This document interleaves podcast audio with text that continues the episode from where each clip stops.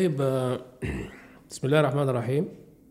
آه، ده لقاء جديد. حنتكلم فيه عن آه، إرهاصات الحشد لستة أبريل ال- القادم والدعوات لإسقاط المكون العسكري أو إسقاط البرهان وإسقاط مجلس السيادة بتشكيله بتشكيله الجديد. السؤال يعني ماذا إذا نجح هذا هذا الحشد؟ في 6 أبريل. طيب خلينا نسأل سؤال بصورة غير كده. ماذا لو ذهب البرهان قبل يوم 6 أبريل هو والمكون العسكري؟ آه إلى سكناتهم وأعادوا ما يسمى بقوى الحرية والتغيير إلى السلطة. شنو اللي حيحصل يعني؟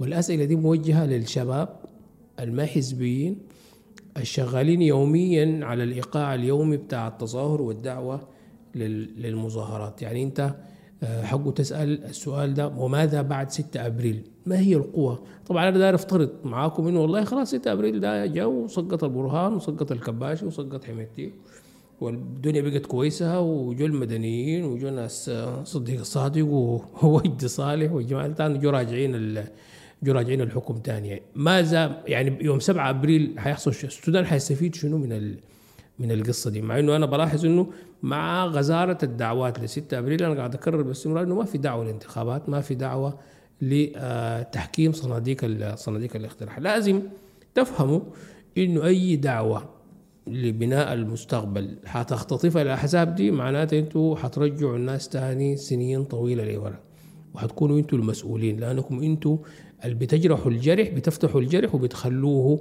من غير من غير ضمادات وبتخلوه من غير تنظيف وبتخلوه مفتوح للجراثيم الجراثيم الحزبية. أي مشروع بتاع مستقبل ولا دعوة لإصلاح دارين تتبنوه عبر هذه الأحزاب أو أنتم ما عاملين حسابكم إنه الأحزاب دي حتيجي تختطف القصة دي باعتبارها هي التنظيمات أو الأجسام المنظمة وهي هي اللي قاعدة تتواصل مع العالم الخارجي اللي هو قاعد يرتب في الأوضاع الداخلية في السودان. أنتوا بتكونوا بتساهموا بشكل أو بآخر في انكم تعمقوا الأزمة السياسية السودانية، نحن علتنا الآن لا- واتضحت تماما. علتنا الآن للبشير ولا علتنا الآن البرهان ولا علتنا الآن الجيش ولا علتنا حميتي، صحيح دي المظاهر من مظاهر ممكن نقول والله منعطفات المشاكل في السودان، لكن علتنا الأساسية الأحزاب. ولما نقول علتنا الأساسية الأحزاب لأنه بالعمق التاريخي للأزمة السياسية السودانية هي أزمة مصاحبة لنشاط ولحركة الأحزاب، الأحزاب دي يا إخواننا بعد أعياد بعد تحقيق الاستقلال وخروج المستعمر نهضت لتحقيق أحلام ما بعد الاستقلال ولكن ماذا حدث؟ طوال الأحزاب دي قامت احتربت فيما بينها. أنتوا ناس الأمة ونحن ناس الاتحادي وكده واستعانت على بعضها البعض بالجيش هي اللي جابت الجيش عشان عشان عشان تؤذي بعضها بعضها البعض بعد ذاك جات أكتوبر ونهضت هذه الأحزاب مرة أخرى لتحقيق أحلام أكتوبر فما الذي حدث؟ احتربت هذه الأحزاب مرة أخرى فيما بينها ولا عزاء للقرشي ولا عزاء لدم الشهداء الذين قال فيهم الشاعر كلاما غير دقيق وكان في الخطوة بنلقى شهيد. يقول كان في الخطوة بنلقى شهيد لكن ما تحققت أحلام الذين استشهدوا في أكتوبر والذين خرجوا يهتفوا في أكتوبر، لماذا؟ لأن الأحزاب هذه نهضت لتحقيق أحلام أكتوبر فسرقت أكتوبر وعادت للاحتراف فيما بين. التاريخ ده مهم تقروه. لأنه فيه كثير جدا من المخازي وفيه كثير جدا جدا من المآسي وفيه كثير جدا جدا من الجراحات اللي ألمت بظهر البلد. كل ما نهضت جماهير الشعب السوداني لتتحد- تتحدث عن حلم محدد وت- وتتحدث عن تطلعات محددة نهضت هذه الأحزاب وأطفأت نار هذا التطلع. احتربوا في أكتوبر احتراب كان غريب وبعدك ما بيحتربوا ككتل. تلقى الحزب الاتحادي انقسم. تلقى حزب الأمة انقسم تلقى اليسار ذاته بعد استولى على السلطة في 69 انقسم وضبح بعضه البعض زي بقول الكلام ده باستمرار عشان يرسخ في أذهان الناس. ثم نهضت هذه الأحزاب لتحقيق تطلعات أو لسرقة تطلعات الشعب السوداني في أبريل ثم احتربت فيما بينها. ثم أضعفت الديمقراطية ثم أضعفت الجيش ثم أضعفت الاقتصاد ثم أضعفت القرار الوطني ثم أضعفت السيادة الوطنية ثم أضعفت الكبرياء الوطني. لأنه بيكون عندك أنت أحزاب قاعدة شغالة جوا في السودان وعندها صحوفها في السودان وعندها أعضاء في البرلمان وهي شغالة مع الخط السياسي للحركة الشعبية وده ما قاعد يحصل في كل بلدان الدنيا. ثم نهضت هذه الأحزاب لتحقيق أحلام وتطلعات الشعب السوداني في أنها ترفع عنه الضغط المعيشي.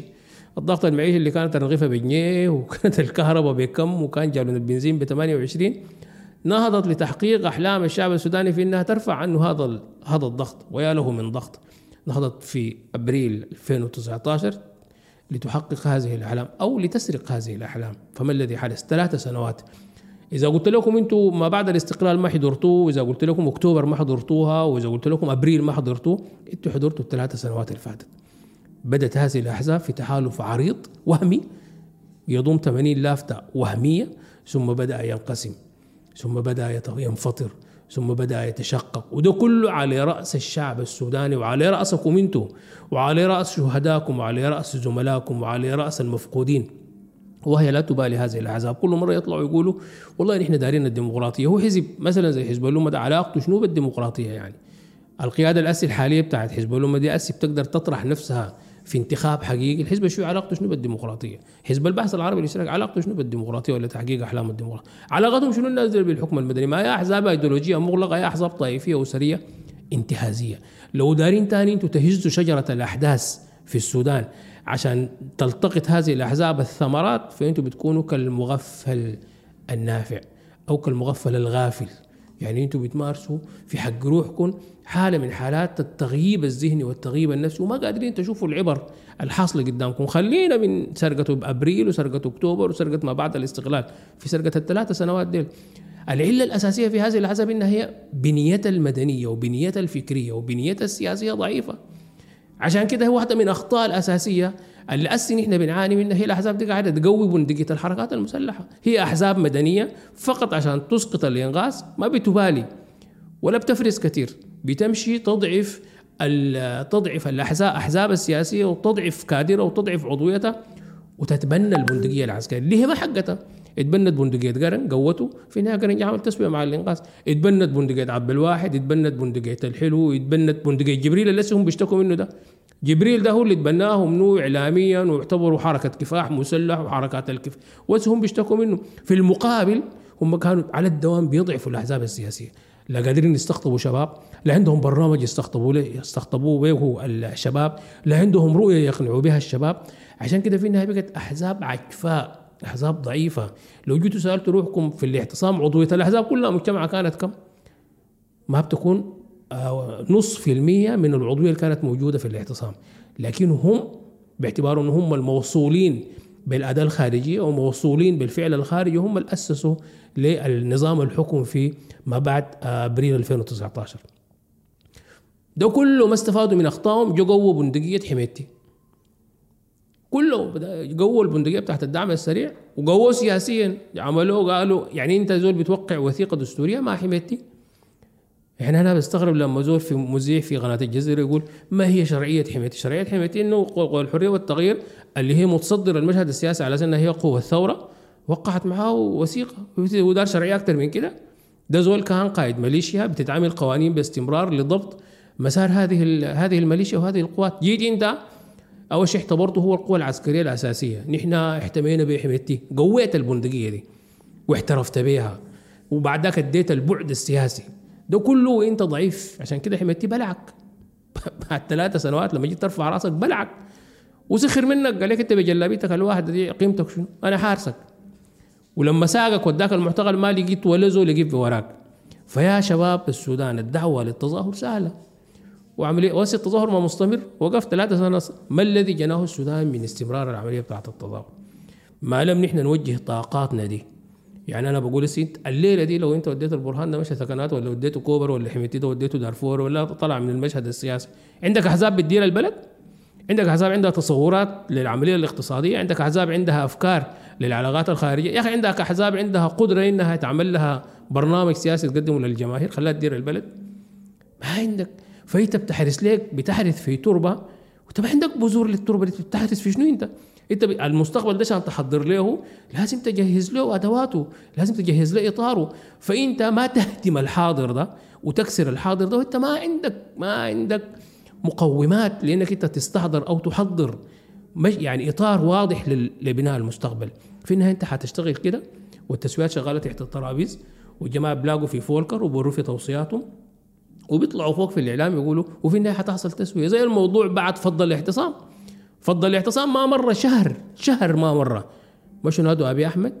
قالوا أفتح لنا حوار مع مع البرهان وحميتي فتح لهم حوار مع البرهان وحميتي وبموجبه بعد شهرين طلعوا السلطة ووقعوا وثيقة دستورية مع حميتي ويجوا يقول لك دم الشهداء دم الشهداء انت ما قدرته انت.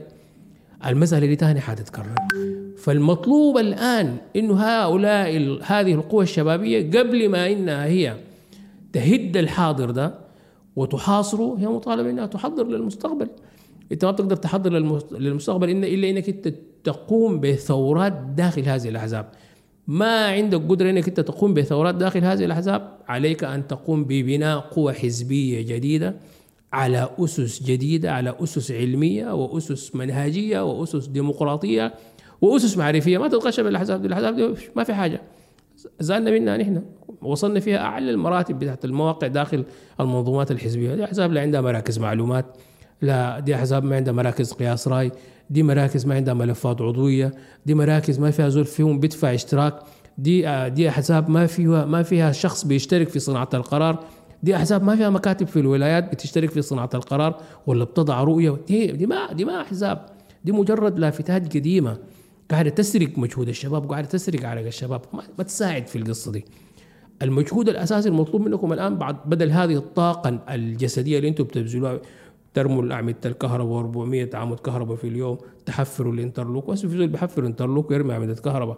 ده الناس يثقوا فيه إنه بيبني في المستقبل. لو أنتم دارين تمشوا في الشارع بتاع بناء المستقبل حقيقة فكروا في إنكم كيف؟ إما إنكم تؤسسوا تأسيس جديد للأحزاب القائمة دي أو تقيموا أحزاب جديدة على فكرة جديدة معافاة من أمراض الماضي. لو ما عملتوا كده أنت بتكون بتجهز لك في مسرح سياسي ما هتطلع فيه أنت.